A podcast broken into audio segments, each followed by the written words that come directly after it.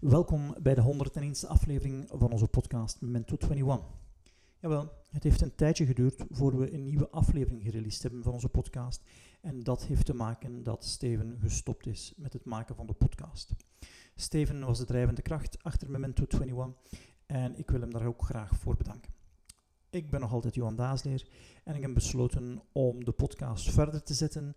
Waarschijnlijk zal de podcast ook van naam wijzigen in de toekomst om de Memento 21 podcast toch te houden als de podcast van Steven en mezelf. Maar voorlopig ga ik nog even op het elan door.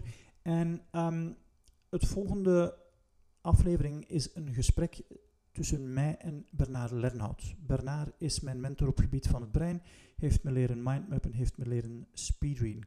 En heeft dus een grote impact gehad op het gebruik van mijn tijd, mijn energie en vooral mijn aandacht. Daarnaast heb ik samen ook met Bernard een masterclass georganiseerd. Mindmapping in de namiddag, speedreading in de voormiddag. Je kan je nog steeds inschrijven voor dit event op 22 november.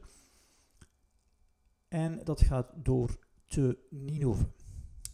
Indien je wilt weten komen hoe Bernard klinkt en wat je dan mag verwachten, kan je zeker naar deze aflevering luisteren. Deze aflevering is wat langer dan je van ons gewend wordt. Um, misschien wordt dat ook wel het formaat voor de toekomst. Wat langere interviews, um, omdat ik het wel leuk vind om verder en dieper te kunnen doorvragen dan de gelimiteerde 45 minuten die je van ons gewend wordt. We hebben ondertussen wat nieuw materiaal gekocht, het staat nog niet helemaal op punt. Dat ga je wel horen in de opnames. De opnames zijn helemaal niet slecht, alleen zijn ze af en toe wat zacht. Maar ik moet het nieuw materiaal nog wel beter leren kennen, maar dat komt nog wel in orde. Geniet van het interview. Memento 21, de podcast voor persoonlijke effectiviteit. Welkom bij deze aflevering van Memento 21, de podcast rond persoonlijke efficiëntie en effectiviteit. En vandaag hebben we als gast Bernard Lernout. Bernard. Buongiorno a tutti. De eerste keer dat onze luisteraars in het Italiaans worden aangesproken.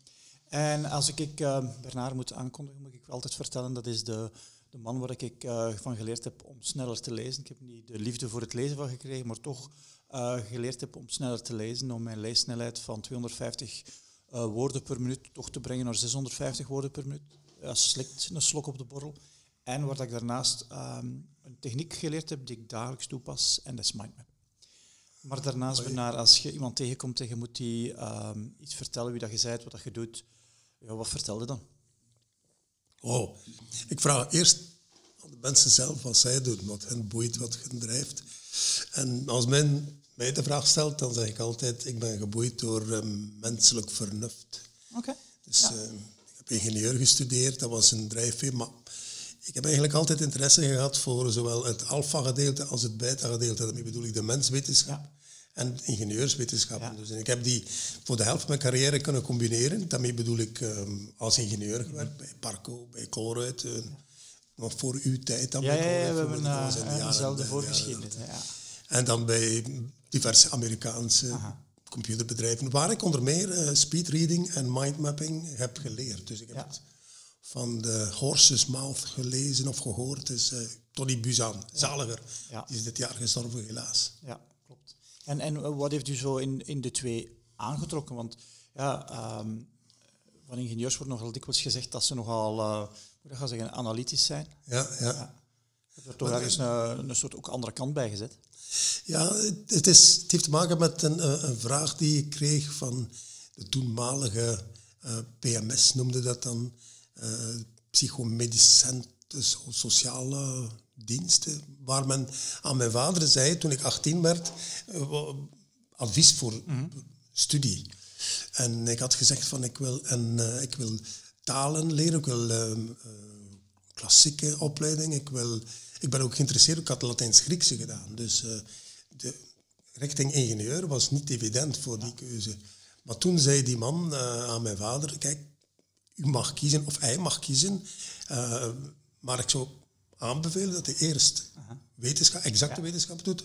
En dan later eventueel uh, menswetenschappen. Ja. Dus dat zal hem van pas komen. Hoe dan ook, zelfs als hij ingenieur studeert, dan, heb je, dan werk je met mensen en niet alleen met machines.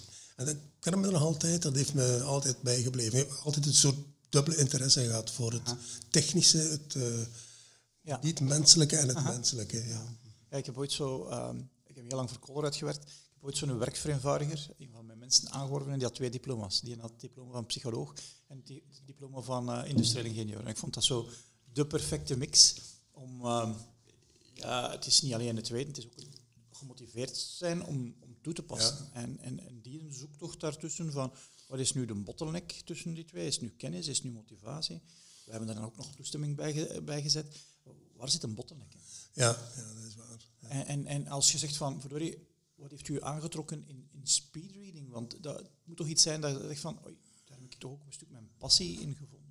Ja, wat is, uh, necessity is the mother of invention, zeg maar. Nee, dat is, bij mij was dat mijn allereerste job als ingenieur bij, uh, bij Parco, was dat dan nog in 1974.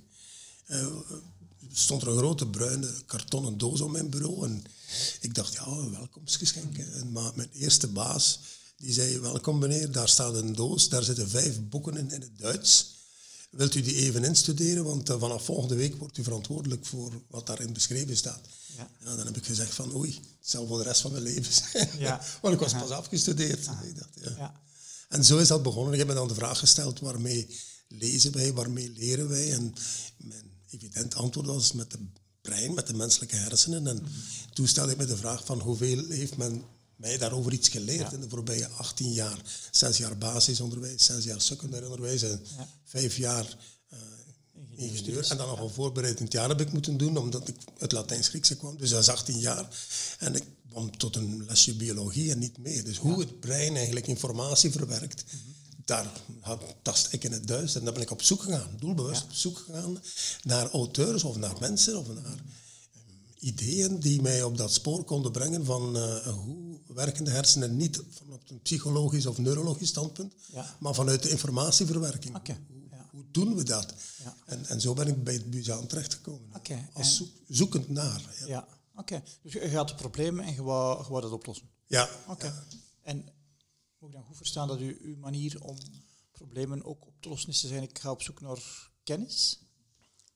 Inspiratie, op zoek naar kennis, op zoek naar wat men, um, men schrijft dat toe aan Newton of aan Einstein, maar hoe dan ook, sta op de schouders van de reuzen die u vooraf gegaan zijn. Dus, en vind het wil niet uit. Dat zijn zo boutades die ik zeer nuttig vind en die ik dan ook probeer toe te passen. Als ik iets nieuws ontdek, dan vraag ik altijd van... Um, waar is de bron? Dan zoek ik zoveel mogelijk naar, de, zo dicht mogelijk bij de bron. Die uh, probeer ik dan te assimileren en dan van daaruit ga je dan verder. dat is, maakt het boeiend. Uh, ik merk dat ook mijn uh, dominante manier is om een probleem op te lossen. Denk ik, ik moet meer informatie hebben. Ja, ja. maar het is niet het enige natuurlijk. Hè. nee, je, moet daar, je moet dat assimileren, je moet daar zelf iets mee doen. Ja. En iets dan proberen. Als het niet, uh, als het niet lukt, als, als je fouten maakt, dan zeg je niet van zie je wel dat ik het niet kan. Dan zeg je van uh, ja, op zoek naar iets beters. Want ja. als het niet slaagt, als u, als uw haring niet braadt, dan probeer je een ander recept en dan ben je vertrokken. Ja. Dat maakt het leven ook boeiend. Ja, maar dat is niet wat we soms in het school geleerd hebben. Hè? Ja, en, ja, dat is iets wat ik ben niet op de hoogte van de meest recente... Ja, maar ik ook niet. Ja. In de eindtermen staat dat wel, maar of ze dan toepassen is een andere vraag. Probleemoplossend gedrag of probleemoplossend uh, zoeken, ja. dat wordt daar wel vermeld. Maar, uh, ik merk dat zo, uh, dat ik vooral geleerd heb van, oh, het moet goed zijn. Je moet geen fouten maken, want als je fouten maakt, dan zijn de punten kwijt. Ja, ja dat, is dan, dat is nog altijd zo. Hè. Dus men, men beoordeelt eh, jongeren op basis van een klassiek onderwijs. Dan. Ja op basis van een rapport. En dat zijn goede punten of slechte punten. En slechte punten betekent dat je meer fouten gemaakt hebt. Ja. ja. Ik zeg altijd, een, een, slecht rapport bestaat niet, een interessant rapport. Ja. En dan, nou, als ik dan een, vroeger meer, nu minder, maar als ik een ouder op bezoek krijg met een studerende jongere met problemen, dan zeg ik altijd aan de jongeren, toon mij eens uw rapport. Die haalt dat dan tevoorschijn en dan bekijk ik dat. En dan kijk ik zo naar de rood om, onderstreepte zogezegd slechte dingen, dan zeg ik van, hmm, dat is interessant. Dus dat is zo te kijken naar mij. Ja. Dan zeg van, je kunt er iets leren. Het is dankzij je fouten dat je iets leert. Ja. Oké. Ja. En, en dan van uh, speedreading? Want wie zijn daar de grote, um, ik weet niet hoe dat moet zijn, de oude, de, de oude wijzen, de oude meesters? Wel, bij mijn eigen um, zoektocht naar een goede methode ben ik uiteraard begonnen bij Buzan. Want eh, dat is de man van mindmapping. Maar zijn boek, zijn allereerste boek, in 1974 is dat gepubliceerd bij de BBC, eh, noemde Use Your Head.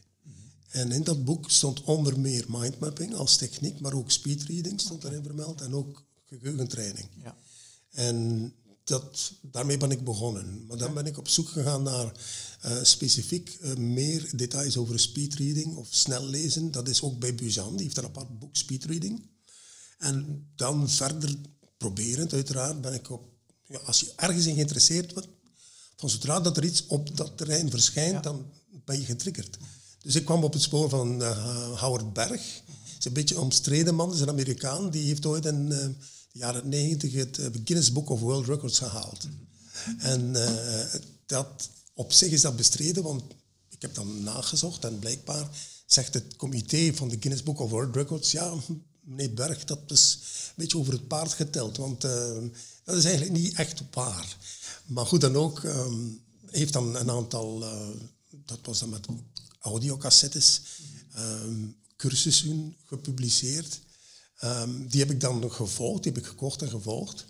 En eh, een stukje van eh, wat Buzan niet zegt, zegt Howard Berg wel. Ik heb dat geassimileerd. Ja. Want Berg, Howard Berg zegt het 80% hetzelfde als Buzan. Dat was voor mij een geruststelling. Ja. Omdat ik zeg van als Buzan het zo zegt en de wereldkampioen zo gezegd doet het anders, dan weet ik het ook niet meer. Dus en dan later ben ik op het spoor gekomen van eh, Paul Scheele, dat is een Amerikaan, die heeft een techniek beschreven, een fotoreading noemt dat. Eh, en daar, ook uit interesse, heb ik die eh, zelfstudiepakketten gevolgd of gekocht. Dat was ook met audiocassettes nog. En tot mijn geruststelling stelde die ook 80% hetzelfde als de andere twee. Maar 20% was zo'n andere spin, dus ik heb in feite eh, de methode die ik zelf heb ontwikkeld samen met Inge Provost, dus mijn co-auteur, hebben wij, eh, in feite voor 80% is het Buzan, 20% is van de anderen en plus ook ons eigen ehm, Ja, ervaring. proberen, ervaring enzovoort. Dus, Ja. En het blijft, het blijft een interessant terrein, want ik geef speedreading cursussen aan de doctoraatscholen van de Universiteit Gent en, en eh, Brussel. En ja, dat zijn allemaal jonge doctorandi. Ja. Dat zijn mensen met een kritische geest terecht. En die, die drijven mij voortdurend eh, op de spits om, om wat ik zeg goed te ondersteunen dan. Ja. Met, eh, Ja, want de kennis over ons brein is de laatste twintig jaar toch dat is enorm toegenomen, ja, dat nog altijd. Ja. En wat zijn zo zaken die de, eh, de wetenschap heeft gezegd van, hé, dat klopt niet meer? Zijn er zo zaken waar je van zegt van, 20 Ja. jaar geleden zou ik dit vertelden, maar dat klopt niet meer? Bijvoorbeeld de Hanse dingen rond ehm, linkerbrein, rechterbrein. Ehm, het- inderdaad, het was de No- Nobelprijs voor geneeskunde van 81. Van 84, dan is die gestorven, was een Roger Sperry. Ja. Dat was een arts, een neuroloog, die eh, de links-rechts theorie van de hersenen heeft eh, ontdekt, en beschreven. Maar ondertussen is daar zodanig veel over gepubliceerd en gezegd dat het over het paard geteld is. Iemand die nu zegt van je bent analytisch met je linkerbrein en je bent creatief met je rechterbrein. Ja. Dat, dat, vroeger zei ik dat, maar nu niet meer. Ja. Want het was dankzij, een jaar of tien geleden al, eh, studenten, doctorandi van de Universiteit Gent, die me dan eh, onder de neus wreven bij de Ja. van kijk, eh, uw links-rechts-breintheorie, dat is... Achterhaald. Edel. Ja, Dat is- Daar ben ik voorzet bij. Wat ik nu zeg over de hersenen is dat het eh, een, een combinatie is van eh, de hersenen werken niet met Nederlands, Frans, Engels, Duits of Chinees. De, mer- de menselijke hersenen, de taal van de menselijke hersenen is visualisatie en associatie. Ja. Beelden en associaties. En bij snel lezen is de methode die wij hebben ontwikkeld, is in feite meer gebaseerd op het sneller kunnen verwerken van woorden en die woorden dan omzetten tot beelden Ja. die je dan associatief, die je kunt, als je je eigen een non-fictieboek kunt omzetten naar je eigen woorden, dan is het goed. Dan, dan- en dat snel lezen, wat ik breng, is het verbeteren van dat proces. Het sneller kunnen verwerken van woorden naar beelden en het terug kunnen omzetten naar je eigen taal. Want wat baat het als je van buiten weet wat er in een non-fictieboek geschreven staat, als je, het, als je dat niet kunt uitleggen aan iemand anders of het kunt toepassen. Ja. Dat is de essentie. Eh, dat is wel mooi. ik, herinner, ik herinner me zo tijdens een van uw workshop, eh, en, het is een deeltje met geheugentraining te, ver, uh, te maken. Dat één, dat je dat moest voorstellen als een, als een kaars, twee als een zwaan. Ja, dat, je daar, daar een beeldtechniek, ja. ja. Een techniek moest van maken om dingen te onthouden. Ja. En heeft dat te maken met associatie van het brein? Absoluut, ja. Want ons brein, als je het bekijkt als, als systeem, dan is dat een, een, een gigantisch neuronaal netwerk. Dat zijn miljarden hersencellen die met elkaar verbindingen maken. Dus verbindingen, of wat men noemt synaptische netwerken, dat is op een andere manier uitgedrukt, is dat een associatiemachine. Uh, Buzan, die, die zei dat your brain is a BAM, zei hij, a brilliant association machine. Aha. Dat vind ja. ik een mooie boetade. Ja. Ja. En dan beelden zijn patronen. Men zegt een beeld is duizend woorden waard, maar eh, dat is ook letterlijk zo. Als, als, je iets hebt, een voorwerp, als je dat moet beschrijven zoals ik bij hier nu zit, zonder dat de mensen dat kunnen zien, dat duurt een tijd. Maar als je een foto kunt tonen van waar je over bezig bent, dan, dan snappen mensen onmiddellijk waar het over gaat. Ja, en heeft dat te maken dat taal veel later ontwikkeld is dan de andere Absoluut, ja. ja. Dus, want de, de oermens van 100.000 jaar geleden, die, de allereerste expressie van het menselijk vernuft was, waren dus rotschilderijen. Dus, ja. Dus dan 10.000, 20.000, 50.000 jaar geleden, maar taal, uh, het gesproken en het geschreven woord is een paar duizend jaar oud. Ja. Ja, ik heb zo gelezen dat, uh, dat we vroeger veel um, um, gemakkelijker de emoties van mensen konden lezen. En vroeger bedoel ik dan uh, 100.000 jaar geleden, omdat we toen nog geen taal hadden om dingen uit te drukken. Hmm. Dat, dat die vaardigheid dat is, ja. veel um, veel meer aanwezig was uit noodzaak. Ja. En dat taal ervoor gezorgd heeft dat we daar een stuk van konden weggaan, omdat dat een gemakkelijkere weg is naar eh, ja, om elkaar duidelijk te maken wat we zouden willen. Daaraan gerelateerd is iets wat ik onlangs heb gelezen, dat is dat als je de mens vergelijkt met de primaten, met de mensaap, dan heeft een mens ogen met wit erin. Dus dat je de pupil kunt zien zodanig dat iemand anders kan zien waar je naar kijkt. Bij primaten is dat niet zo. Als je mensaap ziet, dan de ogen zijn volledig zwart. En je kunt niet zien, ah, de, de primaat moet het hoofd draaien, eer dat je kunt zien, maar dat hij niet kijkt. kijkt ja. Terwijl bij een mens, uh, het feit dat we kunnen ontdekken waar iemand, zelfs als je die face-to-face aanstaart, als die ergens elders naar aan het kijken is, dan heeft dat een invloed. Ook de emotie van iemand kun je zien aan de ogen. Ogen zijn spiegels van de ziel, zegt men, maar uh, dat is uh, een heel boeiende... Ja. -huh een beschouwing van uh, het verschil tussen een mens en een mensaap. Ja. Alhoewel dat dieren emoties hebben, is nu ook een fantastisch gebied. Uh, dat onder meer Frans de Waal, dat is de Nederlandse bioloog, schitterende boeken over schrijft nu. Men besteedt daar nu meer en meer aandacht aan over het, het nadenken over het uh, hebben, hebben zoogdieren of hebben dieren in het algemeen, ja. hebben die emoties. Want er stond vandaag een, een, een artikeltje in de krant over de de hond van um, Marike Limi, hè, die gestorven is. En haar hond, uh, begeleidershond, zou dus uh, eigenlijk zo gezegd afzien en ook meelijden met het, het, afscheid van Marike Vervoort. Maar de beschouwing van de persoon was dat uh, een hond neemt de emoties van de omgeving op. En als je die hond zou stoppen in een kennel of in een andere omgeving waar dat er allemaal mensen opgewekt zijn, dan zou die hond onmiddellijk dat gedrag overnemen. Dus volgens die persoon was de emotie van die begeleidingshond eerder een soort kopiegedrag dan een authentieke emotie. Ik, vond dat, ik vind het allemaal interessant, die dingen. Dat is ook interessant. Er zijn ook zo mensen die de emotie overnemen van een zaal. Hè? Ja. ja. Dat is, in, een, in een ruimte waar dat triestig is en die worden zelf ook triestig. Ja, ja, dat is een vorm van, van natuurlijke empathie. Ja. Wat, wat bij psychopaten bijvoorbeeld flagrant afwezig is. Die mensen uh, ja. kunnen geen emotie uh, empathisch waarnemen en hebben dan ook geen emotie. Daardoor doen ze dus afschuwelijke dingen waarvan dat men zegt van hoe, hoe is dat nu mogelijk? Is dat nu mogelijk? Maar het is inderdaad akelig. Dat het als, als een, een brein heeft, is, uh, is een heel, um, heel beklijvend orgaan. Hè. Woody Allen zei ooit, it's my second favorite organ. Ja, het, is, het is ongelooflijk inspirerend om te zien wat dat, dat brein allemaal kan. Ja, ja. Hoe dat u leugens kan wijsmaken. Het is precies wat een eigen leven leidt, dat brein. Ja, en het, um, het heeft een belangrijker impact en invloed op wie we zijn en hoe we ons gedragen dan we ooit zouden denken. De, ja, ook denk ik omdat we er zo weinig over aangeleerd krijgen. Ja, dat is, waar. Dus, de, op een klassikaal verband, of tenminste in, in de opleiding, tenzij dat men het geeft over, over neurologie, dat is dan meer dan het, uh, het bekijken van afwijkingen en operatie. Want Buzan in de tijd, uh, die, toen hij psychologie studeerde, we gingen naar de bibliotheek van de universiteit om, om boeken over het brein, van hoe het brein werkt. En ja. men verwees hem naar de medische afdeling uh, aan de universiteit waar ik was. Waar ik was. En uh, toen zei Buzan, uh, I don't want to operate it, I want to use it. Ja. En tot zijn verbazing zei die bibliothecaris, we don't have those books. En zei, zei Buzan, ja, als het dan zo is, dan zal ik het zelf schrijven. En daarom heeft hij de titel Use Your Head, dat was zijn allereerste werk. Was, dat een soort verwijzing naar die vaststelling dat er bijna niets, en nu is er al meer, maar trouwens, het is een, ik ga binnenkort naar de boekenbeurs.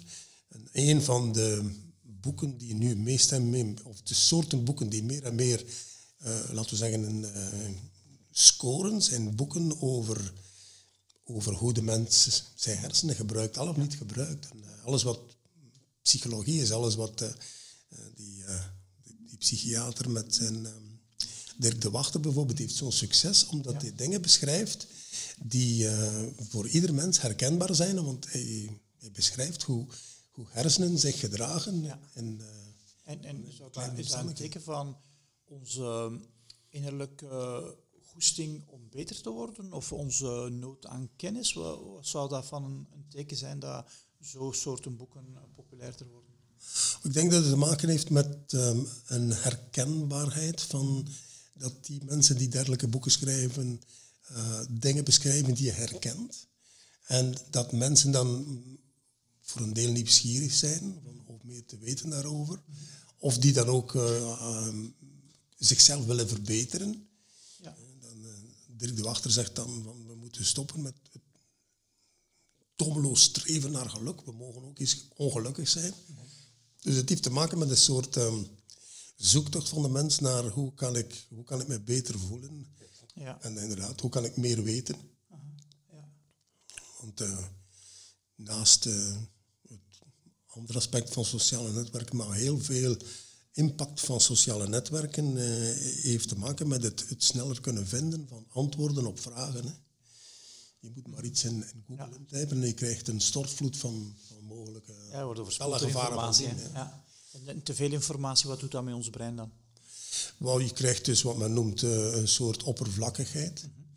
waarbij dat, uh, er zodanig veel uh, dingen over ons heen gestort worden dat je het nog moeilijk door de bomen het bos kunt zien, dat je niet meer kunt weten, is het nu fake news of is het nu echt nieuws. Ja.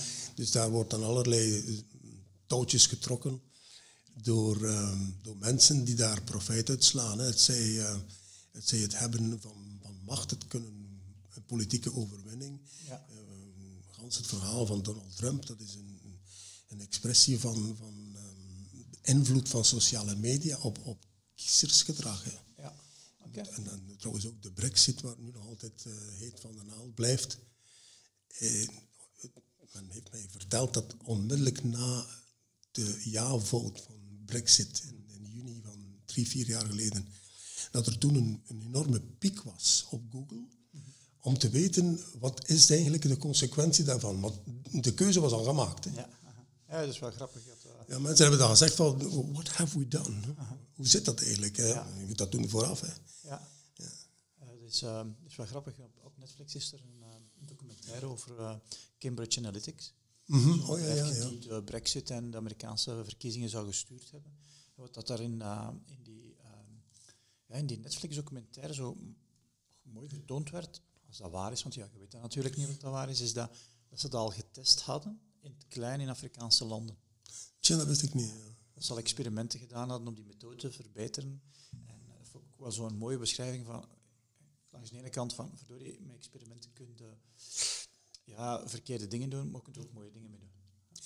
Ja, het is zoals met um, nucleaire wetenschap. Uh, je kunt dat ten goede, want ik ben zelf persoonlijk um, uh, drie tot vier keer in mijn leven uh, heb ik mooie dingen meegemaakt. Um, onder meer de, redding van een van mijn dochters, die had uh, leukemie. Ja. Die is uh, dankzij de nucleaire medische wetenschap heeft die kunnen eh, overleven. Ja. En ik zelf ben een paar keer eh, behandeld geweest, dankzij nucleaire technologie, dat ik, dat ik hier nog zit. Anders was ik al naar de eeuwige jachtvelden. Hè. Ja. Dus dat, dat heeft goede kanten, maar dat heeft evengoed, zoals alles wat menselijk is, heeft zijn goede en zijn kwade kanten. Ja. Er is, eh, er is ergens een balans. Ja, ja dat is. ehm, En de keuze van wat men ermee doet, ligt niet in het ontdekte concept van iets, maar in de, hoe een menselijk brein zich daarmee omgaat. Oké. Dus de keuze, de keuze is nog altijd menselijk. Want op het gebied van artificiële intelligentie wordt men eigenlijk om de oren geslagen met berichten van ja, 2030, 2040, 2050 is, eh, is een artificiële intelligentie zal de mensen domineren en de robots are coming enzovoort. Ik heb daar altijd eh, een, een, sceptische bijklank bij om te zeggen van eh, het- ja, er zal inderdaad technische evoluties zijn die enorm sterk zijn. Maar het zal aan de mens zijn die eh, die keuze zal maken. En ik denk dat een, de menselijke intelligentie nog altijd zal primeren. Maar ik ben misschien te optimistisch daarin. We zullen zien. Ik hoop dat ik lang genoeg leef om het, om het te kunnen meemaken. ja, en, en vooruitgang houden niet tegen. Hè. Nee, nee, het is, wat men noemt eh, unstoppable. Hè, ja. Wat zijn zo technieken die jij gebruikt? Hoe dat ik dat bij, bij ons en onze klanten vertel is, er wordt een hele hoop informatie op ons bord gegooid. Ja, En, en wat ik naar mezelf kijk is wat ik vroeger just in case learning deed. Van, ik ben geïnteresseerd in een hele hoop onderwerpen, wat dat een drama is nu als je eh, heden ten Ja. dagen leeft. Maar misschien was dat eh, duizend jaar ook, geleden ook een drama. Eh, want ja, er waren toen ook al veel boeken. Bij de Romeinen was er ook al last van information overload. ja, Ja, en, en, en dat ik nu meer gegaan ben naar een just-in-case learning. Van, bedoel, ik heb een probleem en ik wil dat oplossen, ik ga dingen halen. Ehm, en de techniek die wij dan zeggen is van, je moet zorgen dat je kunt van gepusht gaan naar pullen. Dat je Ja. in plaats van het op je bord gegooid te krijgen, dat je het gaat halen wat dat je nodig hebt. Wat zijn zo'n technieken dat jij daarvoor gebruikt om ja, niet bedolven te worden onder alle mogelijke informatie? Ja. Want je lijkt me ook nogal iemand die, ja, hoe moet ik het noemen, een, ehm, ik noem het zo'n uh, renaissance man die ook in van alles geïnteresseerd is. Dus ja, een schitterend tijdperk om in van alles geïnteresseerd te zijn, maar het is ook een, een moeilijk tijdperk Ja, om in van alles waar, geïnteresseerd te zijn. het is keuze maken. Nee, nee. De dingen die ik zelf doe zijn een beetje ehm, door ehm, mijn eigen nieuwsgierigheid gedreven. Eh, als er ergens iets nieuws gezegd of gesproken of getoond wordt eh, en het boeit mij, dan zal ik proberen om daar en dat technieken zoals snel lezen en mindmapping helpen daarbij. Omdat u veel sneller en effectiever en efficiënter ook informatie kunt eh, bekijken, eh, verwerken en dan eh, eventueel weggooien wat je niet nodig hebt en blijven houden wat je wel nodig hebt. Dus dat is een soort, soort zoekveredeling in je menselijke hersenen. Dat is een combinatie van snel lezen en, en mindmapping. En ook geheugentechnieken, want eh, die, daar geef ik niet alleen cursus over, maar ik pas die zelf toe. Want iets wat je niet kunt onthouden, bij wijze van spreken, kun je niet meer gebruiken. Dus, dat is één ding. Eh, een andere waar ik mij eh, gunstig gebruik van maak, is mijn sociaal netwerk. Maar daarmee bedoel ik dan mensen, zoals u trouwens, hè, die mij kennen, die weten dat ik geïnteresseerd ben in neem bijvoorbeeld Leonardo da Vinci. Ja, die mensen sturen me dan een mailtje of een berichtje of iets anders om te zeggen van wist je dat, puntje, puntje, puntje. En dan kom ik vaak dingen te weten die ik zelf niet had, want ik kunt niet alles meer zelf ontdekken. Dus dat, dat is een soort eh, voedend sociaal netwerk. Dat, dat is, eh, dat, en voor de rest gebruik ik ook ehm, wat men noemt ehm, bij LinkedIn, LinkedIn Pulse. Dat is inderdaad het eh, zelf gaan zoeken in de plaats van het naar u toegestuurd krijgen. En ik heb ook een soort, dat is gratis trouwens, een Business Week noemt het dan. Dat is een, een dagelijkse mail die ik krijg met tien items waarvan ik zelf kan zeggen van dit zijn thema's die me interesseren. Ja. En dus Business Week International noemt dat. Je hebt ook afdelingen uit, uit ik neem meestal Business UK, Business Week UK, eh, omdat het meer Europees getint is. Maar er bestaat ook Amerikaans of zelfs Nederlands of, of Frans. Ehm, en daar, kun je, daar krijg je dan dagelijks een lijstje van tien items die je dan eventueel snel bekijkt. En soms klik ik door om dan iets Ja. Valt me soms op dat ik dan drie dagen later in de krant lees wat ik al gezien heb Ja. op eh, Business Week International. Dus, Ja, dat is toch nog dus maar die, journalisten weten ook wel dat zij de mosterd halen. Dus, Ja. Dus je hebt een aantal curators die voor u eh, de informatie Ja, zo wat screenen. Ja. Ja, en zijn er onderwerpen die je zegt van dat interesseert me nu helemaal niet en dat bekijk ik ook niet? Of, eh, Wel, dat is het probleem van als je een brede interesse hebt, dan... eh, Leonardo da Vinci zei dat zelf. Een van zijn principes is connessione. Dat betekent alles is met alles verbonden. En daardoor eh, kan om het even welk thema brengt je al snel op een gebied waar je dan wel interesse in hebt. Dus alles is interessant. Maar dan, natuurlijk, ja, je kunt Ja. niet meer alles. Hè. Dat is al lang zo. Hè. ja. ja, maar het is toch een revival van de renaissance, man. Heb ik de indruk. Hè? Ja, ik noem dat soms de renaissance van de renaissance. hè. Want, eh, want 500 jaar geleden eh, eh, was de allereerste wetenschap, de, de, de onderzoekende wetenschap. Da Vinci is daar een grondlegger van. Er, er was de, de, een totale politieke omwenteling.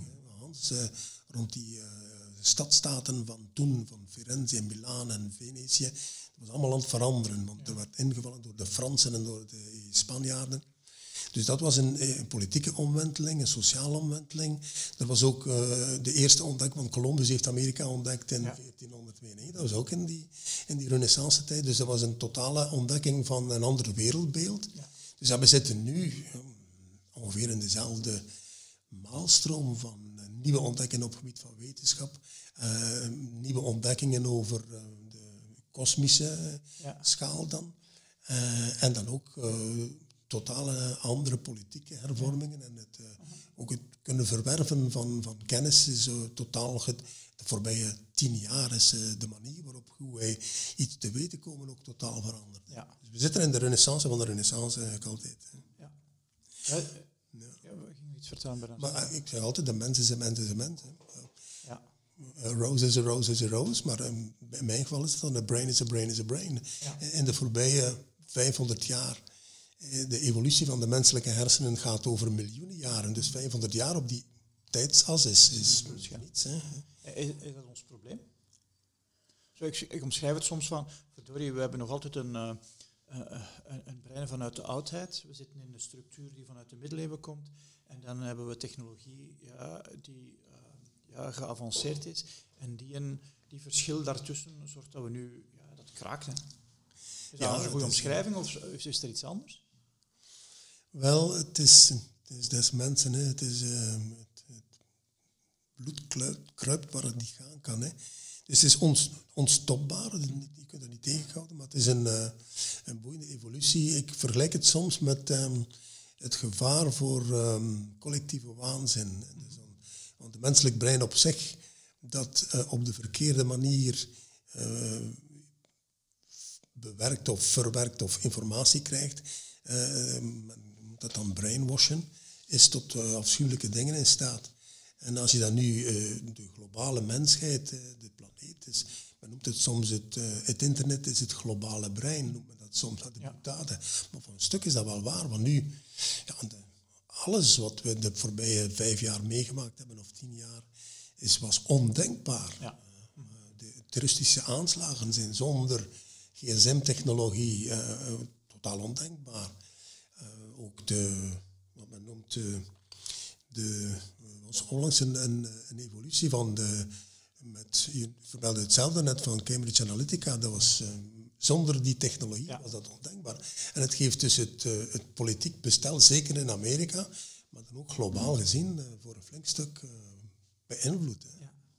Het is wel grappig dat je vertelde, omdat vorige week heb ik een presentatie mogen doen op TEDx. En een van de sprekers was, hij noemde zichzelf een social influencer. Zei, AI is er al, artificiële influentie is er al. Ah, ja, ja, met Karel. En hij zei, ehm, als je ehm, 300 datapunten verzamelt van iemand, dan eh weet je meer over die persoon dan zijn echtgenote weet. Ja, het verwondert me niet. Ja. Ongelooflijk hoe dat, ja, hoe dat ons data die wij genereren door die toestel te gebruiken, hun voordeel geeft om te weten stuk wat ons gedrag is. Hè. Ja. Dat vind ik fascinerend om, om dat te zien. Ehm, ik ik was daar straks nog aan het denken van, verdorie, eh, wetenschap 500 jaar geleden zo ontstaan. Wetenschap is per definitie altijd verkeerd. Ehm, hoe komt het dan dat het zo moeilijk is om ja, van idee te veranderen en te zeggen van ik was verkeerd en ik, ik denk er nu anders over. Ik merk dat dat een van de moeilijkste dingen is om, om, om, om toe te geven dat je verkeerd bent? Heeft dat te maken met ons hersenen? Heeft dat, wat, wat heeft dat te maken? Het heeft te maken met cultuur. Uh, en uh, daarmee bedoel ik de opvoeding. Want een klein kind, dus, van 0 tot 4, 5 jaar, maakt continu fouten. Want je kunt niet leren stappen zonder honderden keren te vallen. Je kunt geen taal leren, een moedertaal kun je niet leren zonder fout. Ik heb geloopt. Ah oh ja, je hebt gelopen. Ja. Dus een kind maakt fouten, maar stoort zich daar niet aan. Ja. En zal dat ook niet als een negatieve emotie ervaren. Want de fout is gewoon, het lacht soms. Als, het, als het valt, dan, als het pijn heeft, dan weent het.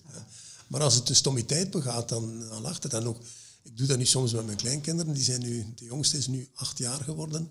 Dan is het al moeilijker, want dan zitten ze al in dat uh, syndroom of dat systeem van fouten mag men niet maken. Ja. Maar eh, nee, ik, vroeger als je, en alles wat te maken heeft met, met, uh, met humor, heeft te maken met het, het, lachen met iemand die een fout begaat. Dat is heel vaak, hè, die, die, die, komieke humor. Dat is, op een bepaald moment mag dat niet meer. Op een bepaald moment is een fout, wordt afgestraft, omdat het net erover gaat. En daardoor, het maken van een fout, creëert dus een gevoel van mislukking, een gevoel van, van uh, je, je, schaamt er zich voor en uh, een gevoel van, uh, van pijn. En dat zijn drie dingen die een mens niet graag heeft. Niemand wordt graag uitgelachen. Ja. Al het pestgedrag op school heeft daarmee te maken. Niemand heeft graag pijn. Dus hij masochisten. Ja. Maar, en dan ook het, het, het schaamtegevoel van niemand staat graag zo in met zijn bloot gat en, na een fout. Ja. Dus, maar een klein kind wel, maar iemand die ouder wordt niet. Dus daardoor is het zo dat men gebied van het maken van een fout of het leren uit fouten is dus veel moeilijker op volwassen leeftijd of op, zelfs van op jongere leeftijd dan, dan, dan dus mensen proberen aan te bereiken als ik spreek over Leonardo da Vinci zijn tweede principe van demonstratione dat is leer uit je fouten en uh, ja en kijk daarnaar en de fout is dan interessant in de plaats van woeps. Ja, ja en, en het, is, het is zo heel grappig. Uh, een vriend van mij, Lex, die uh, geeft staptrainingen, looptrainingen. En zegt, eigenlijk is dat als kind weten perfect hoe dat je moet stappen. Op een of andere manier hebben we dan eh, van mensen stapgedrag afgekeken en ze hebben verkeerd gaan stappen. En fouten maken identiek hetzelfde, ademen identiek hetzelfde. Is dat dan, we zijn weet niet hoe ik het moet noemen, ge, gebrainwashed om het verkeerd te doen. En dan later moeten we het afleren om het weer goed te doen, terwijl dat we het in het begin wel konden. Ja, veel heeft daarmee te maken. Hè. Veel dingen zijn, zijn um, dingen die je eigenlijk weet, maar die je afgeleerd hebt. Mhm. En dan dat, laten we zeggen, mankement in je gedrag, moet je dan eerst afleren om iets nieuws te kunnen leren. Dat heeft daar veel mee te maken. Hè. het komt ook waarschijnlijk, ik heb uh, de voorbije week een boek geluisterd, die noemt Civilized to Death.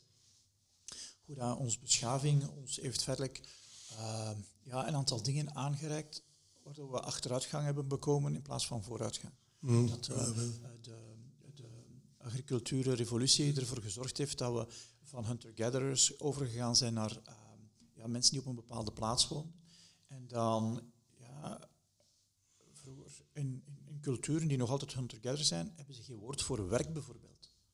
Ze hebben daar geen woord voor, omdat ze doen gewoon alles. Ja. en een fout te maken, eh, ja, dat zit daar inherent in, omdat je leert niet als je geen fouten maakt. Ja, dat is...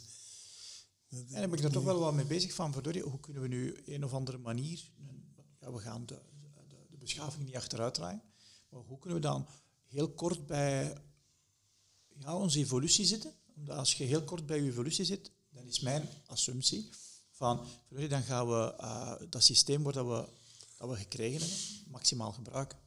Ja, ik denk dat dat, uh, dat een zinvolle beschouwing is. Ja. En, uh, en, ik weet dat jij heel veel gaat wandelen. Ja. vroeger hebben we, ja, in onze evolutie hebben we altijd kilometers gewandeld elke dag. Ja. En dat is ook een van de, de tips die wij mensen in onze workshops meegeven, is van, je moet niet sporten, maar je moet wel veel meer bewegen. Ja, ja. Omdat bewegen, zuurstof in je brein. Uh, een aantal bekende wetenschappers gingen altijd wandelen met elkaar. Ja, dat is het, ehm, heel veel ideeën zijn al mijmerend en al wandelend ja. met elkaar gedeeld. Ja. Ja, en ook uh, de katholieken gingen brevieren, gingen al wandelend ja, bidden, al wandelend mediteren. Ik denk dat dat een of andere reden heeft dat ons brein dan anders begint te werken. Ik heb daar geen wetenschappelijke uitleg voor, maar dat is wat ik nu momenteel geloof. Ja, ja. Het is zeer goed. Het is gezond ook. Hè. Ja, ja, ja. Zo, je bent in de natuur. Tenminste, waar wij wonen hier is uh, ja. natuurlijk bevooroordeeld. Hè. Ja, absoluut. Is, wij zitten in een mooie omgeving. Hè. 200 meter en we zitten in de velden. Ja, dat, ja. Is, uh, dat is handig als je in het midden van Amsterdam of Brussel uh, 200 meter gaat lopen. Zit ja, soms in een, een of ander schoon park. Dat is waar, ja. Ik, ik weet dat je een fascinatie hebt met Da Vinci. Mm -hmm, en, ja. het laatste stuk van onze podcast zou ik er graag om wijden. Um, van waar is dat gekomen? Ja, ik denk dat dat te maken heeft met um, mijn, mijn vader zaliger, die uh, toen mijn twaalf jaar, men noemt dat dan de plechtige communie, dan krijg je zo boeken. Hè. Ja. En ik kreeg een boek, uh, de, de wonderbaarlijke ontdekkingen van een genie. Ja. En dat ging over Leonardo da Vinci, maar enkel over het uh, aspect van de, zijn uitvindersdrift. en over kunst werd er niet in gesproken in dat boek. En mijn vader was ook een pionier op het gebied van uh, audio, op het gebied van stereo, op het gebied van zwart-wit televisie, op het gebied van kleurentelevisie. Want bij ons in het dorp, uh, de mensen kwamen bij ons op de stoep tv kijken. Hè. Ik heb ja. altijd uh, de, de, zondagavond met Lassie. Dus dat, dat is met de, met de paplepel ingegeven, ja. die, die interesse voor nieuwe technologieën dan. En het was Da Vinci, dus dat boek over de uitvindingen, heb ik dat als, ja, als uh, gastje van 12 jaar gelezen. En toen we later op schoolreis gingen naar het Louvre, ik was toen een jaar of 16, dan stonden we te kijken van op afstand naar de Mona Lisa. En, ik zei tegen de leerkracht die ons begeleidde, kijk, het is een naamgenoot. Het is ook Leonardo da Vinci. Ik kreeg bijna een, een draai rond mijn oren. Want die zei, het is dezelfde. Ja. En dan heb, ik, dan heb ik beginnen te zeggen, want mensen, dat was dan iemand die, die en een uitvinder was en een kunstenaar, maar ja. dan van een zeer hoog niveau. De, dat, dat heeft me dan gepakt, bij wijze van spreken. En dan, de rest is hysteria, zeg maar. Dan ja. de rest, ja, want je hebt uh, een model van de Da Vinci, waar hij een aantal, um, waar een aantal karakteristieken van Da Vinci zegt van dat is wel goed om te hebben. Zou je ja, dat vertellen? Ja. ja, want er zijn drie dingen die ik daar kan vertellen. Eerst, komt niet van mij, want ik heb het gehaald uit een boek, How to Think Like Leonardo da Vinci, van een Amerikaan, Michael Gelb, die ik een beetje beschouw als mijn geestesbroer. Want hij heeft een centrum voor high performance learning in de buurt van New York. Maar die man heb ik ontmoet op een, uh, op een groot feest, Festival of the Mind, ingericht door Buzan toen hij nog leefde in de Royal Albert Hall in Engeland. En dat waren een beetje allemaal uh, de, de vrienden van Buzan en ook zijn, ik was toen al gecertificeerd als mind mapping trainer. Dus ik was erop uitgenodigd en ik zat aan tafel naast uh, Michael Gelb, die toen dat boek aan het schrijven was. Ja. En uh, omdat het ging over Da Vinci, die liep daar trouwens rond als acteur dan. Uh -huh. Die Da Vinci, die, die Da Vinci speelde, want uh, alle groten der aarde waren daar op dat Festival of the Mind. Er, Shakespeare liep daar rond en Einstein liep daar, maar allemaal natuurlijk acteurs. Maar um, dus vrij snel kwam het op het onderwerp van Leonardo da Vinci, was ook zijn. Aha. En toen was hij dat boek aan het schrijven en heeft daarover verteld. Ja. En in dat boek heb ik dan gelezen, was uh, How to Think Like Leonardo da Vinci. En dat is in feite een, een soort studie van de output van da Vinci. Dus ja. zijn, zijn tekeningen, zijn geschriften, zijn spiegelschrift en dan zijn kunstwerken. En daaruit heeft Michael Gelb dan geprobeerd om een soort reverse engineering te doen, om te zeggen van aan de hand van de output probeer ik te ontcijferen van hoe werkte dat brein. Was dat brein inderdaad uh, geniaal zoals een Mozart of een, of een Goethe of een Shakespeare? Was het enkel maar dit? Of had hij ook ergens een systeem waar we ja. iets van kunnen leren? En je kunt het raden. Dus dat is het systeem. Dat is het systeem. En dat zijn die zeven. Ja. Die zeven principes. Dus dat is het eerste. Dus ik heb het van Michael Gelb. Het tweede is, uh, ik vind het iets dat en kleine kinderen uh, spontaan herkenbaar is. Als ik daarover spreek, een workshop of een lezing, dan zeg ik altijd aan de deelnemers, denk in uw hoofd aan uw eigen kleinkinderen of uw eigen kinderen of uw neefjes of nichtjes, zo tussen de leeftijd van 0 tot 7. Ja. Als je die kleine mensen anno 2019 ziet iets doen, uh, dan zie je die, die expressie van die zeven kenmerken, want ja. die zijn universeel menselijk. Maar op een bepaald moment, we het er net over gehad, wat dus spontaan aanwezig is in een lerend kind, wordt er een beetje uitgeklopt in de school, om het erg woord te gebruiken. En de poetate van waar ik dus probeer mensen aan te reiken, is dat die, die set van zeven kenmerken, je kunt die opnieuw aanwakkeren. Want dat zit in u, maar er is eruit. Ja. Het is onderbesneeuwd. Maak je kunt het terug naar boven branden, gaan. Maar we moeten nog wat vuur geven. Ja. Dus dat is het tweede. En dan het, het derde, wat ik doe met die zeven principes van Da Vinci, is daar eh, ook op mezelf proberen toe te passen. Dat ik af en toe mij even eh, terugtrek om te zeggen van eh, hoe, zou, hoe zou Da Vinci dat aangepakt hebben als ik met een knelpunt zit of als ik met wie niet, hè, als je met iets zit te worstelen eh, of er is iets dat niet aanpakt, dan probeer ik. Dat is trouwens een, een advies geweest van, een, eh, van Michael Gelb zelf. Die zei van, eh, je moet af en toe een soort ehm, board of directors hebben in je verbeelding, met een aantal mensen die je bewondert, levend of niet levend. En dan stel je in je verbeelding de vraag aan die mensen van, oké, wat is mijn probleem? Hoe zou u, geef mij, geef mij raad, geef mij, wat zouden jullie doen?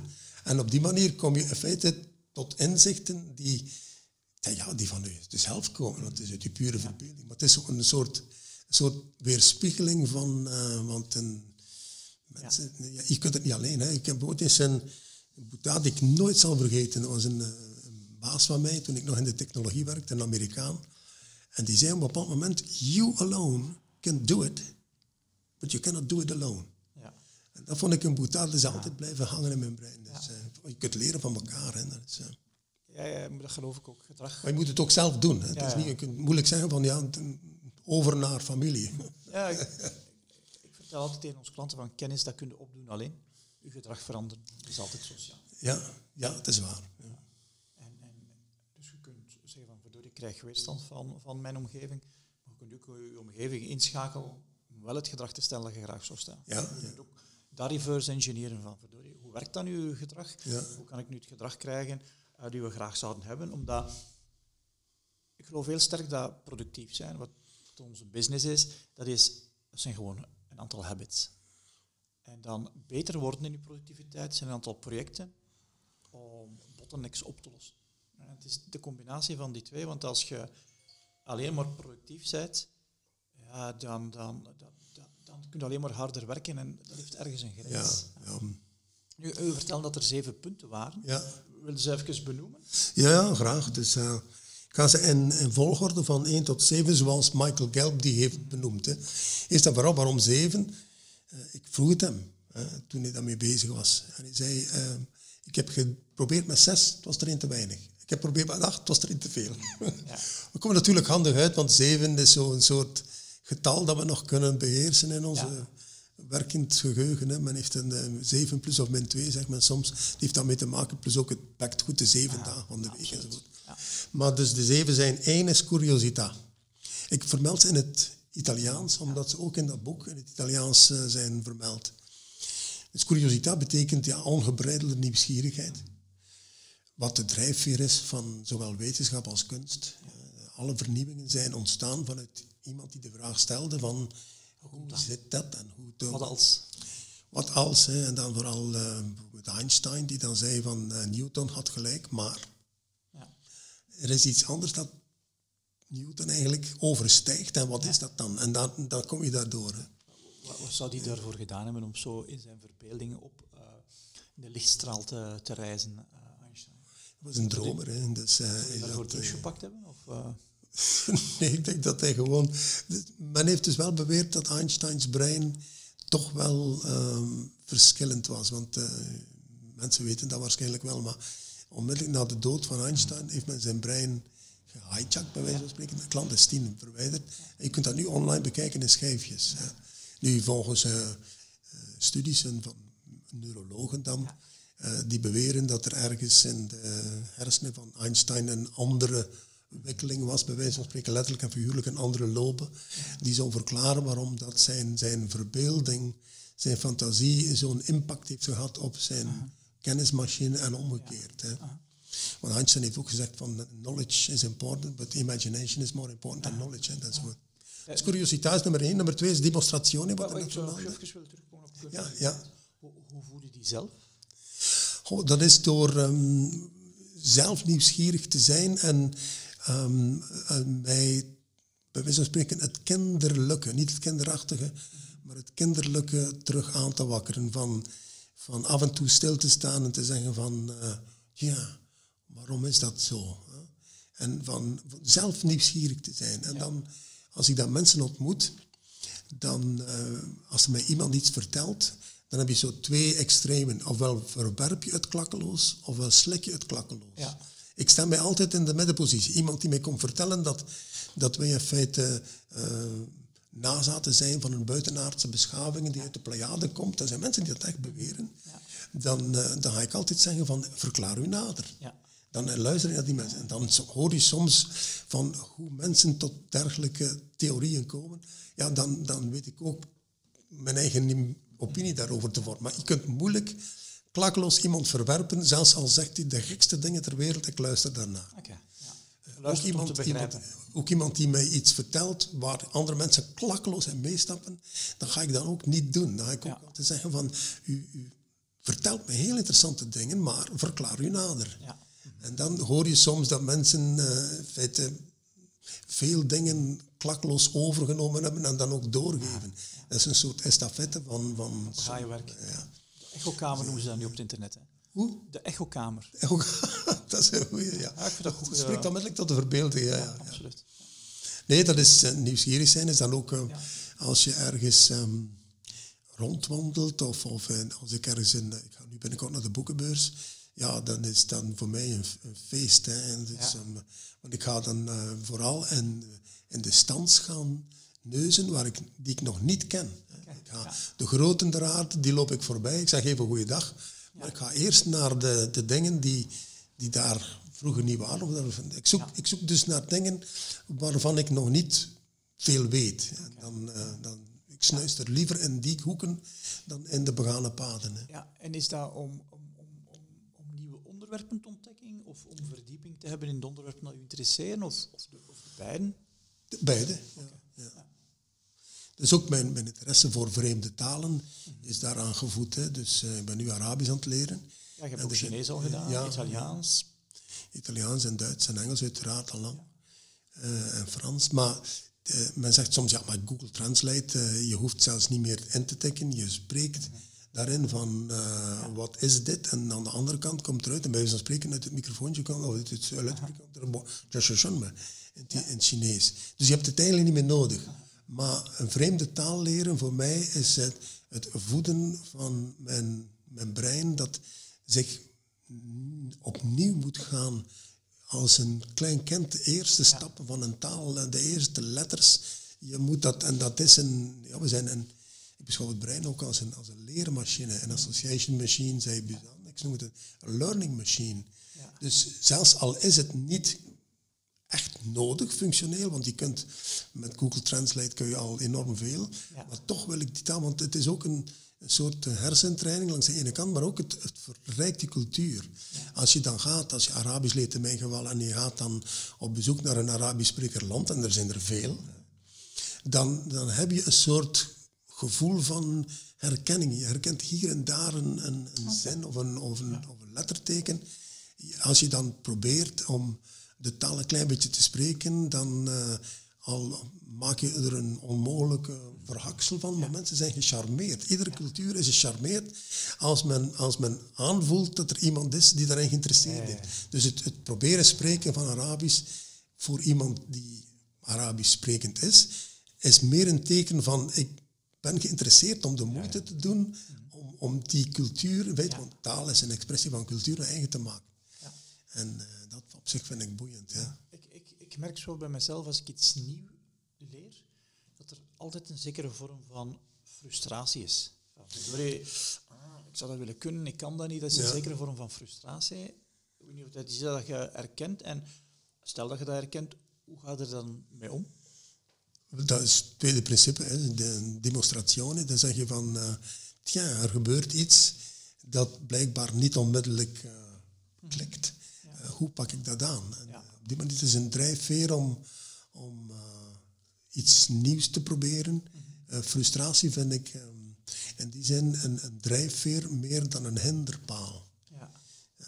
maar je moet het, het is een soort, ehm, het wordt een karaktertrek. Ja. ik, het, was, het was ook voor ehm, Da Vinci zijn grootste drijfveer. hè. De frustratie dat hem niet erkend was door zijn vader. Absoluut, ja, ja. bastaard dat hem niet erkend wordt. Zijn grootste drijfveer om bij zijn, eh, eh, zijn sponsors ja, totale vrijheid te krijgen om te mogen doen wat dat hij wou. Waardoor dat hem bij hele, ja, in zijn tijd gevaarlijke mensen gewerkt heeft. ja, absoluut. Ja. Dat was, hij was ehm, noemt de ultieme zelfstandige autodidact. Hè. Ja.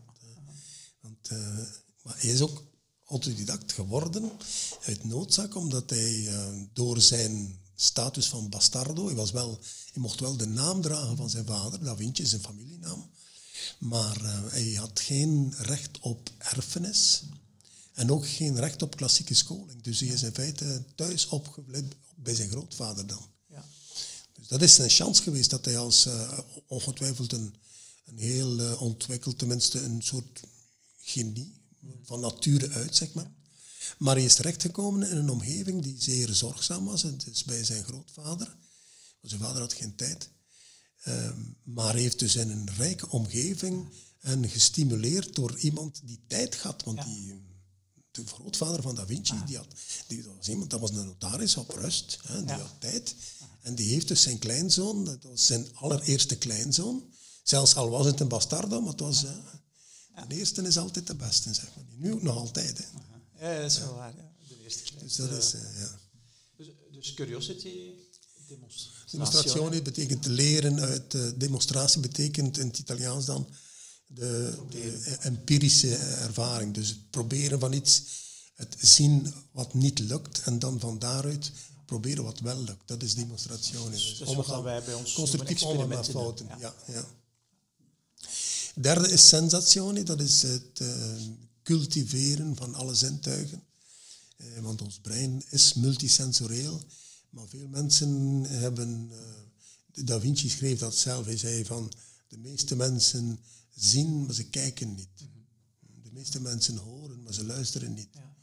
De meeste mensen eh, voelen, maar ze tasten niet. Dus heeft alle zintuigen Aha. op die manier het verschil tussen het eerder passief ervaren van een zintuig en het gaan actief stimuleren van dat zintuig. Ja. En heeft dat dan met aandacht te maken?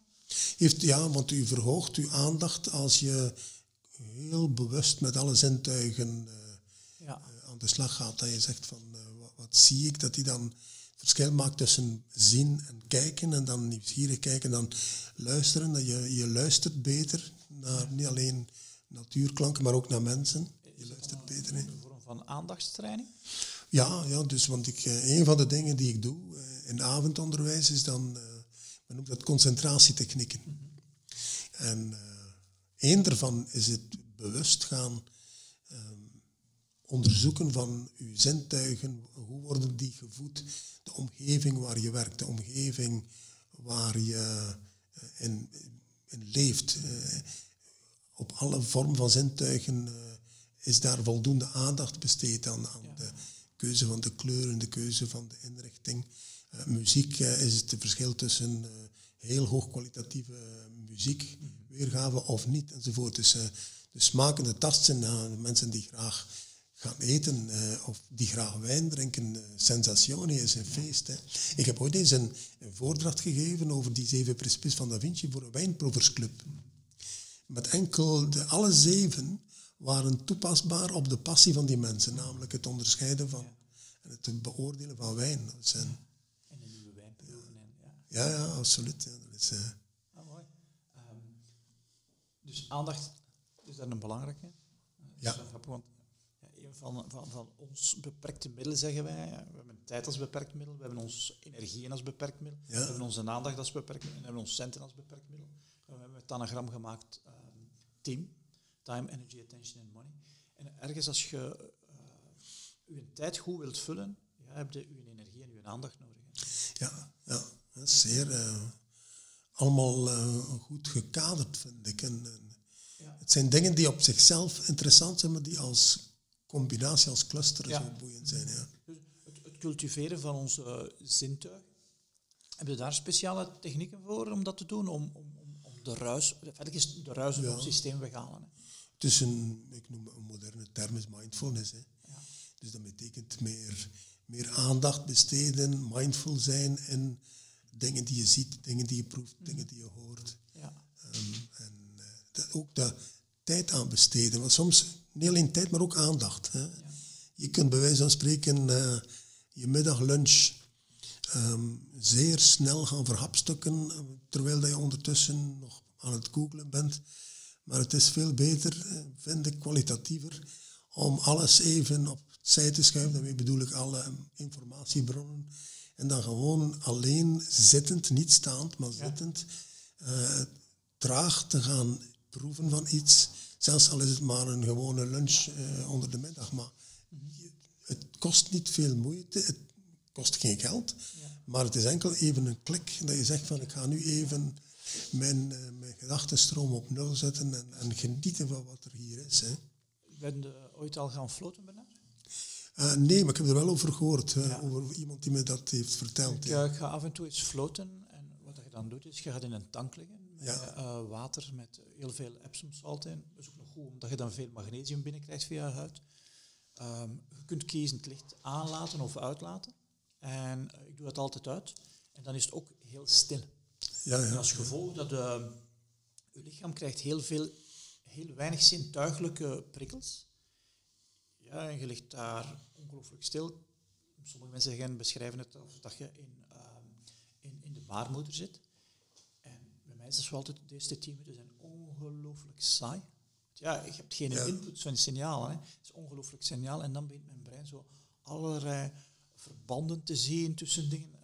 En dat is zo precies of dat ik mijn eigen dan zie denken, dat ik precies in een metapositie geraak om mijn eigen te zien.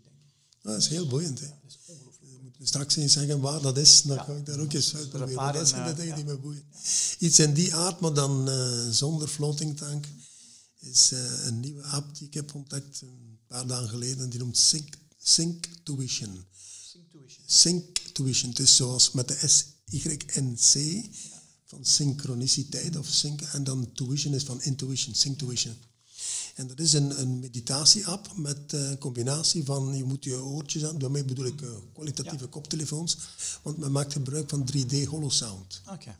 Dat gecombineerd met binaural, daarmee bedoel ik licht verkillende frequenties tussen de... En dan een, eh, een hoogkwalitatieve begeleiding, het is een begeleide meditatie. En men geeft je ook de kans om je eigen stem te, op te nemen. En die wordt dan gemixt. Subliminaal dan, met de, Dat zijn dan telkens... Want zo'n... eh, dat duurt een, dat is een track van 25 minuten. Eh, en daar, eh, door die combinatie van die, dat geluid gecombineerd met al die andere dingen, is, is werkelijk dat je onmiddellijk ben je weg van de wereld. Letterlijk en figuurlijk. En dat vind ik wel, Ja. vind ik wel Oh, mooi. heel, zalig. Dat is zalig. Hè. Dat Ja. is, waarschijnlijk vergelijkbaar met zo'n gevoel in een tank. Dat zou kunnen. ik, Ik heb nog, nog niet getest. Ja. Maar misschien kun je zelfs in de tank dit opzetten. Misschien. ah ja, als je, oog, als je Oortjes kan opdoen. oortjes kan opdoen, dan zou je... Met, eh, ja. Dus dat, dat was drie, de, de, de zintuigen eh, verbeteren. Ja. En vier?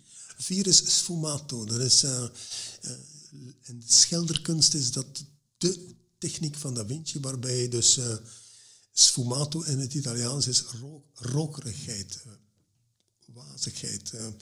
Ambiguïteit in het Italiaans is sfumatura, sfumatura. Maar sfumato, wordt, als je dat googelt, dan vind je altijd de verwijzing naar een techniek in de schilderkunst waar men de contouren van vooral de menselijke afbeeldingen, portretten, waarbij men de contouren heel wazig maakt.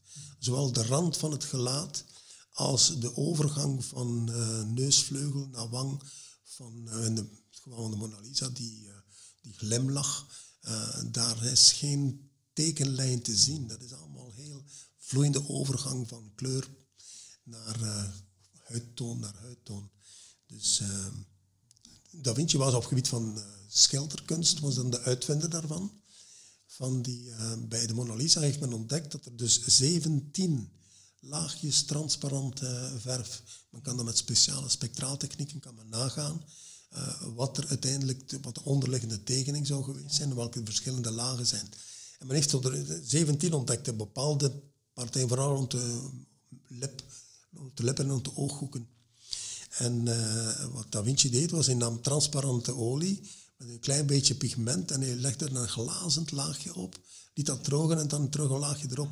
Dus het licht eh, van de buitenwereld ging dan door al die laagjes heen, botste op de achtergrond van het uh, gesso, dus het kalk. Ja. Witgekalkt uh, in het geval van de Mona Lisa is niet op doek, het is op een lindenhout. En dan, dat weerkaatst dan terug.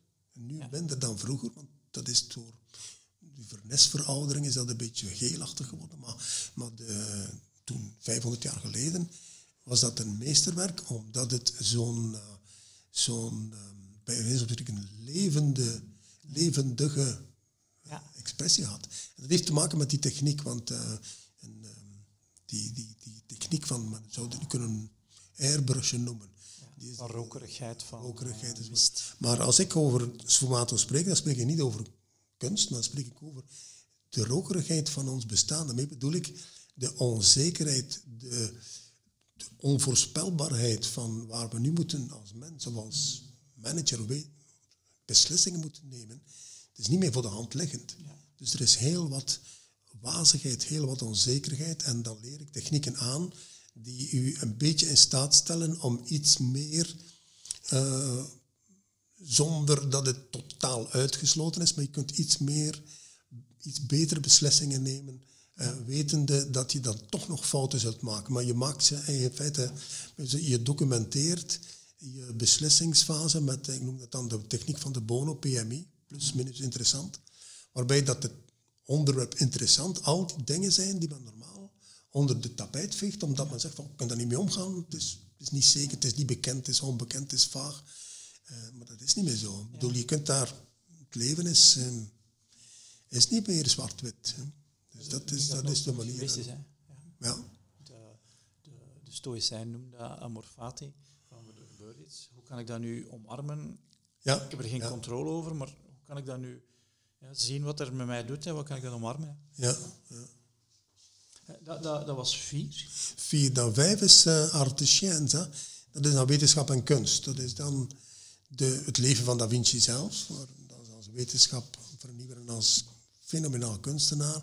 En vooral Da Vinci heeft geschreven van ik gebruik de wetenschap van de kunst en ik gebruik de kunst van de wetenschap. Dus hij, hij onderzocht kleurbepaling om betere kunstwerken te maken. En hij tekende zijn uitvindingen. Dus dat is bij wijze van spreken een soort expressie van de, de samensmelting van... Uh, van en dat hang ik dan meestal aan de kapstok van mindmapping. Maar mindmapping is een, is een vorm van het uittekenen van uw gedachten. En je gebruikt daarbij kleur en beeld. Dus dan, want ik moet zeggen, als je dat goed doet, met de hand dan, hè, want er staan nu ontzettend veel apps en, en programma's, maar als ik doe nog iets van al met de iPad Pro en de Apple Pencil, maak ik met de hand mindmaps. En het gebeurt heel vaak dat iemand die dat voor het eerst ziet, die me dan de vraag stelt van, oh, welke mooie schilderijtjes. maar het zijn dus het zijn mindmaps over Arabisch of over muziekgeschiedenis. Het gaat over Mozart, in mijn geval van muziekgeschiedenis. Maak ik dus mindmaps over eh, het leven van Mozart en de operas van Mozart. We zijn daar nu ben daarmee bezig nu. Volg ik kunst, uh, bedoel, muziekgeschiedenis en uh, Academie van Ronsen. Ook pure liefhebberij. Hè. En um, dus het, iemand die een mindmap maakt zoals ik het doe, zoals ik het aanleer trouwens, dat, dat is bijna het, het kunstzinnig verwerken van informatie. En dat is artisan zo, de voeten uit. Hè. Ja. Okay. En dan zes? Zes is uh, corporalità. Dat is het Italiaanse woord voor body-mind. Dus dat is de, wat u daarnet ook aangaalde met uw verhaal over die floating tank. Dat is een, of het wandelen of het gaan. Ja. Het, een, een, een, brein en een lichaam zijn sterker met elkaar verbonden. Dus de, de ultieme verkeerde benadering is wat uh, Ken Robinson, de, de nummer één op uh, TED in de tijd, die Engelsman die over creativiteit spreekt, die heeft ooit gezegd van the brain and the body. The body, for most people, is a, mechanism to transport the mind. dus het, het, brengt ons naar vergaderingen, is wat hij dus uh, soms als een boetade zegt. Maar dus het, het lichaam en het brein zijn met elkaar verbonden. Ja. Bekende spreuken, een gezonde geest en een gezond lichaam. Ja. Uh, corpore sano in, in uh, mens sano in corpore sano. Dat is corporalità. Dat is het, het bewust, het mindful gaan combineren van, ehm, van eh, intellectuele, mentale uh, kennisgegevens met, met het feit dat je ja. lichamelijk het leven zet. En het, het, het, voeden van beide. Het belang van beweging voor... Ik heb um, niet deze week, maar de vorige week een boek een tweede keer gelezen. dus dat is mijn favoriete auteur momenteel, is Ryan Holiday heeft een nieuw boek uit, noemt Stillness is the Key. En uh, verder is het op een hele, nou, hoe moet ik gaan zeggen? Het gaat over mind, body en soul, maar op een hele niet uh, fluffy manier omschrijven hoe dat voor stilte zorgen die drie uh, stimuleert om beter te worden. Ja, dat is ehm, meer en meer, dat krijgt nu meer en meer de aandacht, onder meer omwille van de, de inzichten die men heeft verworven uit mindfulness enzovoort. Dat is een bekende, ik bedoel een heel actueel thema. Een jaar of twintig geleden, als iemand zou gesproken hebben over meditatie of over mindfulness, dan zou men zeggen, maar ja, dat is voor, voor de zondag hè, of voor het weekend. Maar, maar niet overdag, of niet, en zeker niet op de werkvloer. Ja. dus dat is veel aan, uh, veel aan het veranderen. Hoe zouden we een goede vertaling zijn voor stilte in het Nederlands. Want hij spreekt van, elke cultuur heeft zoiets. Uh, de Grieken noemen ataraxia, equanimity is een woord. Uh, bij de Hindoes hebben ze er ook een woord voor. En zo, alle culturen, alle filosofieën hebben er een soort woord voor. Van, in, er gebeurt van alles in het leven, maar op een of andere manier vinden in je eigen wel ik weet niet, de rust en de stilte om ermee om te gaan. Ik weet niet wat een goede vertaling in het Nederlands zou zijn. Ja, moeilijk. Hè? Ik ben nogal fan van het woord ataraxia, maar dat komt omdat het uit mijn favoriete film, ja. in Number 11, komt.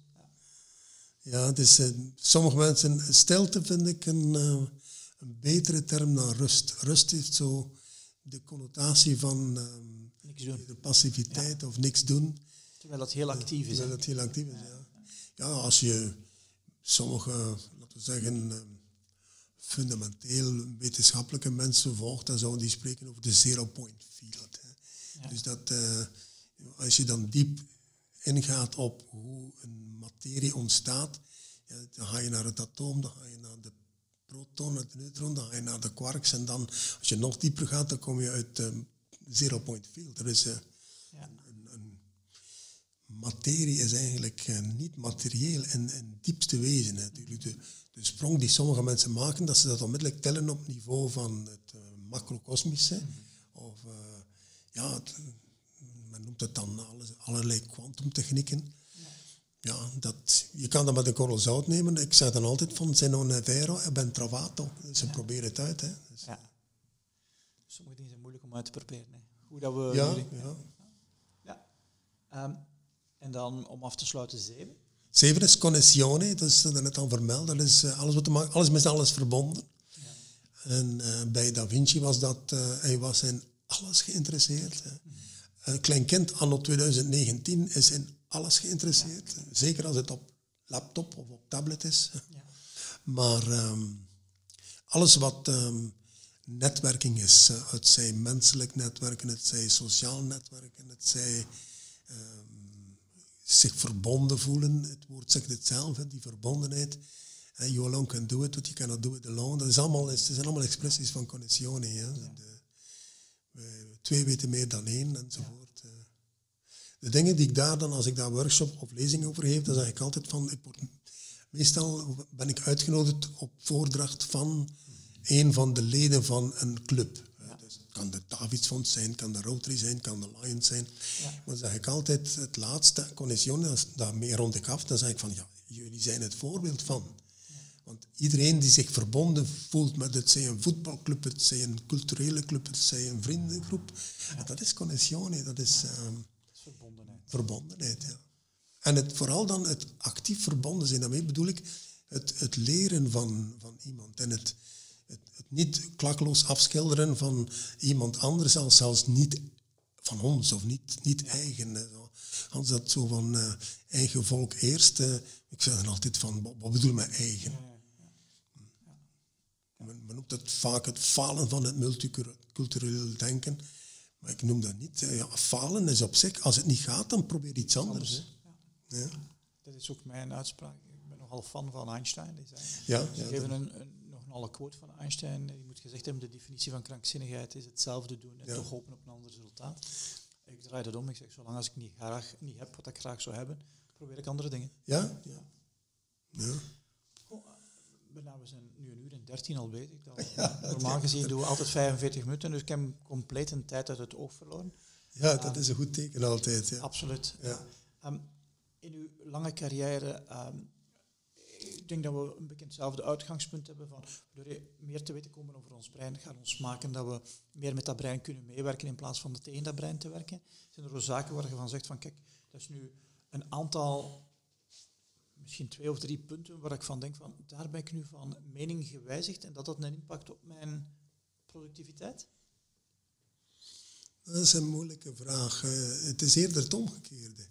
Ik heb enorm veel ehm, dingen bij, bijgeleerd dankzij het, zij het, ehm, het conflict gaan met mezelf, het conflict gaan met andere mensen, of in het uh, botsen op uh, muren van begrip. Dat heeft me meer gestimuleerd om, om te gaan zoeken naar ja. wat is er meer en dan uh, een van de mensen die ik een tijd lang gevolgd heb, nu iets minder, is uh, Deepak Chopra. Dat is iemand die um, in feite op de essentie van zijn verhaal is dat uh, als je de essentiële,